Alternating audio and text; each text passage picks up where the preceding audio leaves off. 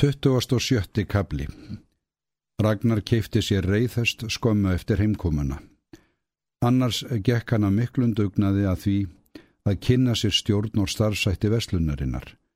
Anríki var mikið því að kriplingurinn lág veikur og gæti ekki nærst á neinu öðru en mjölk. Ragnar hjálpaði því til við afgröðsluna þegar mikið var að gera.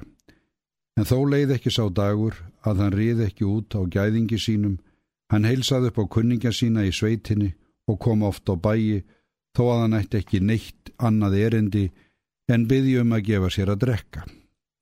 Fólki gæðjaðist sínu betur að honum nú en áður. Hann var orðin kátur og ræðin, það var eins og stoltið og fálætið hefðu horfið af honum við siglinguna.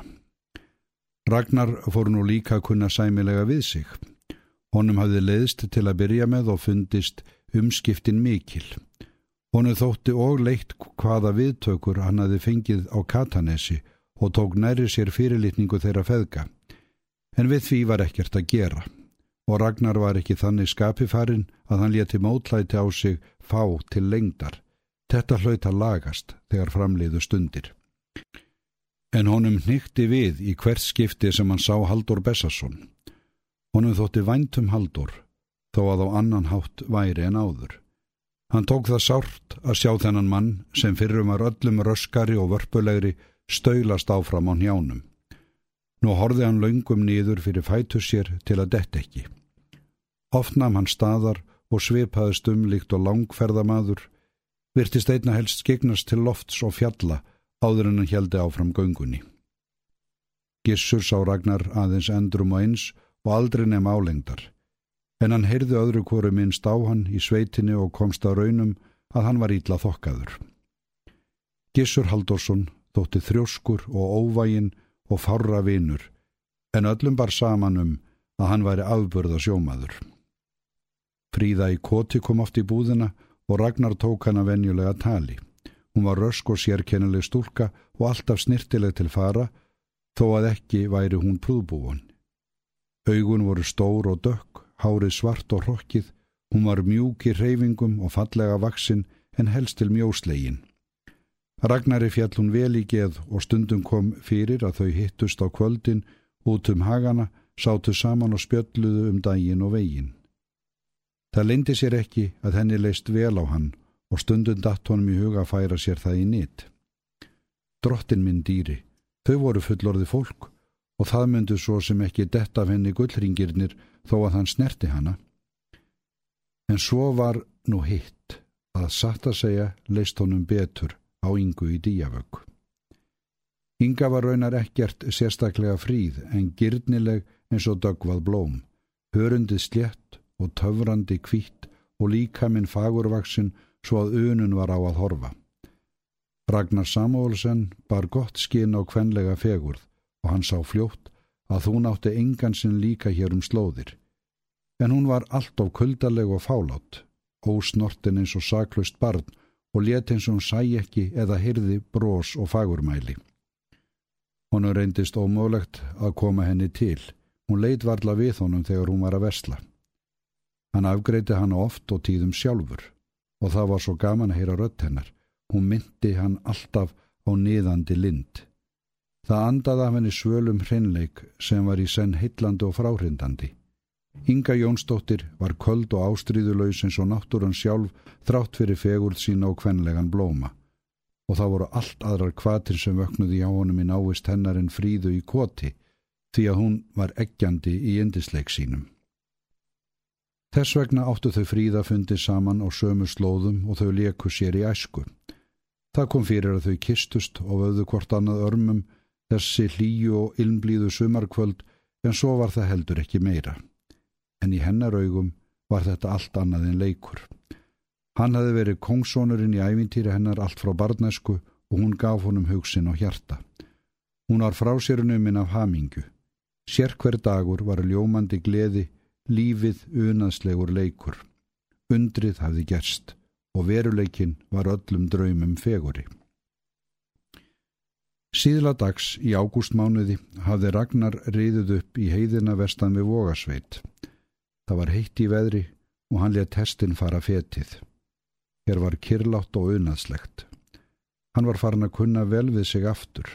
Þetta var skemmtileg sveit, hann heitlaðist að náttúrufegur þennar, engin stórborg með ís, sinn og þís jafnaðist á við hana. Honu var hætt að leiðast og hann saknaði kaupmannahafnar alls ekki. Hér yrði hann mikill maður sem allir litu upp til og bæru virðingu fyrir. Fólkið í sveitinni kallaði hann nýja faktorinn og menn tóku ofan fyrir honum. Þegar hann varð á vegi þeirra. Honum þótti vandum þetta. Hann hétt því með sjálfum sér að verða sveitungum sínum góður og hjálpsamur drottnari. Hér skoppuðu kátir lækir neður allar hlýðar, hafið faðmaði ströndina, síkvikt og víðáttu mikið ólgand af eilífri óró. Jökullin gnæfði í fjarska, tíin og undur fagur og mjallkvítur hjálmur hans virtist nema við heiminn. Hér lifði fólk heilbreyðu og náttúrulegu lífi. Berfættar konur klöppuðu þótt við lækin, megar og sveinar gengu léttklætt að heiskap rjóði vöngum og augun ljómand af hristi, æsku og gleði. Hann hafði komið að díavög og séð yngu vera strokka úti á hlaði. Hún var með bera handleiki og hárið hrundum hana í ljósum lokkum. Það var ógleimanleg sjón. Hér vildi hann una æfi sinnar daga. Skildan annars vera ástfungin af Ingu Jónsdóttur. Það náði varla nokkur átt, eins og hún var fálátt og kuldaleg. Hann rökk upp úr þessum hugleðingum við að hesturinn nam staðar á tjarnarbakka og vildi drekka. Í sömu andrá kom Ragnaраug og hest sem var á beiti í kvammi þarna rétt hjá. Ungstúlka lág í sólbæði í grasinu. Hún hefði auksínlega verið að lauga sig, var á pilsinu einu og nakin að mitti. Ragnar fekk hjarslátt og stokkróðnaði. Stúlkan var engin önnur en ynga í díavökk. Hún leitt upp við það að hesturinn heggjaði, spratt á fætur, snaraðist í treyjuna og starði svo á hann stundarkorn með hönd fyrir auga. Hún myndi á hind sem snýs sér að veiðimanninum og híkar andartak áður en hún þýtur af stað. Inga, rópaði hann. Hann hefði ekki hugmyndum hvað hann vildi henni en kallaði aftur. Inga, Inga, býtu mín. Hann snýri hestunum við og reyði áttina til hennar.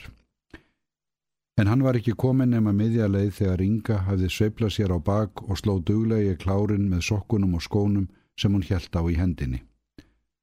Allt í einu kom strákurinn upp í ragnari. Hann keirði hælana í nára hestsins og hleyfti á eftir henni. Þau riðu í loftinu yfir móa og mýrar, grítar grundir og byrkikjar, þeistu yfir lækina í löðri og möl og grjót rökkundan hófunum. Yfir þeim kveldist híminin heiður og sumar blár.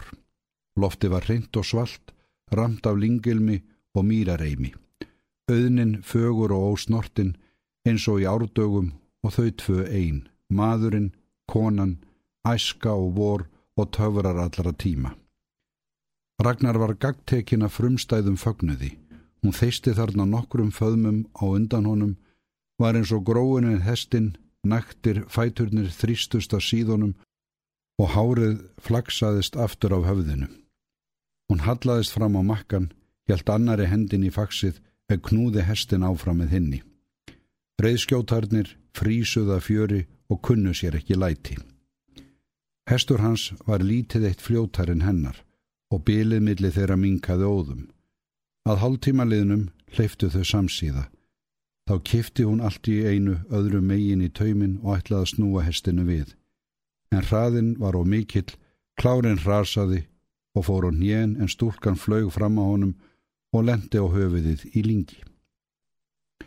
Ragnar snaraðast af baki, en hún var þegar sprottin á fætur og þóttin að stað og hann hljóp á eftir henni. Hún var frá eins og hind, þau hafðu hlaupið góða stund þegar bæði mistu fótana í výðurunni.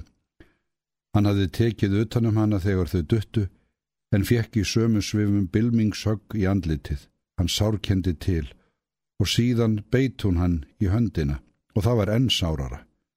Þau neittu allarar orku, bárust út úr runnanum og veltust um í linginu. Þau kærðu sig kollóttum fötinn. Hún að minnstakosti hikaði ekki við að svifta sundur hverri spjör sem hún náði takja á.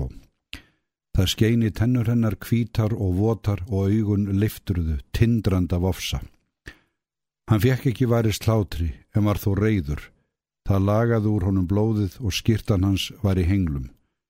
Hann hefði löngu kastað af sér jakkanum og Guð mátti vita hvar húan var nýður komin. En viltur fögnuður áflógana bætti honum þetta allt. Aldrei og æfisinni hafði hann lifað skemmtilegri stund. Hann skildi temja hana hvað sem það kostaði. Nú skildu þó svo einþykka ynga í díavög einu sinni láta í minni pókan. Bölfuð tæfan, býtur þau enn. Ætlar það láta undan, bannsett óhemjan þín. Enn veltust þau í faðmlögum þarna í linginu og flugust á allt hvað af tók. Hann gerði sér enga grein fyrir því hvað viðurregn þeirra stóð lengi, en loksins gafst hún upp. Slefti allt í einu tökunum tegði úr sér, greið bandan á lofti og lág síðan graf kyrr. Þá stóð hann upp, fann húfuna sína og sótti henni vatni næsta læk.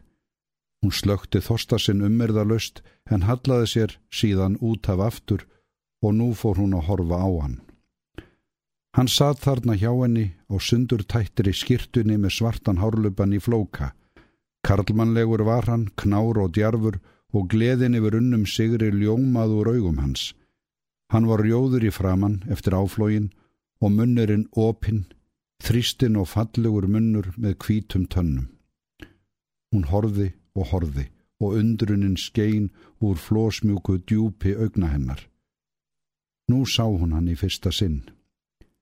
Ragnar varð æ alvarlegri þar sem hann horfi á yngu. Tryllingurinn fjaraði út í fjálglegan hátíleik. Armar hennar voru naktir og axlirnar líka. Hann sá á annað brjóstið, kvítt og kvelt. Munnur hennar, sem löngum var alvarlegur og lokaður, var opinn til háls og það skein í kvítan tangarð millir votra varana. Hann snart hönd hennar, hægt og varlega, eins og hann óttaðist að hún yrð á braut við snertinguna. Svo laut hann að henni og kisti hanna. Og í díavög veitti enga mótspyrnu. Hún endur galt meira að segja korsin þótt hikandi væri. Svo lagði hún allt í einu hendurnar um hálsin á honum, þrýsti honum að sér og teigaði korsana vörum hans í ákafa eins og döðþyrstur maður svaladrykk. Ég elska þig, Inga, kvíslaði hann og stóða fætur. Það fórum hann heitur ströymur þegar hann sagði þetta. Undrandi virti hann umhverfið fyrir sér. Kvöldróðin bjarmaði híminin og hæðirnar vörpuðu laungum skuggum. Hann horfi á hafið, heiðina og fjöllin, augu hans staðnæmdist við jökulin og hann livði unaðslega stund. Híminblámin neygi yfir hann og það var eins og sál hans rinni saman við ljóman af kvítri fannbreiðu jökulsins í fjarska.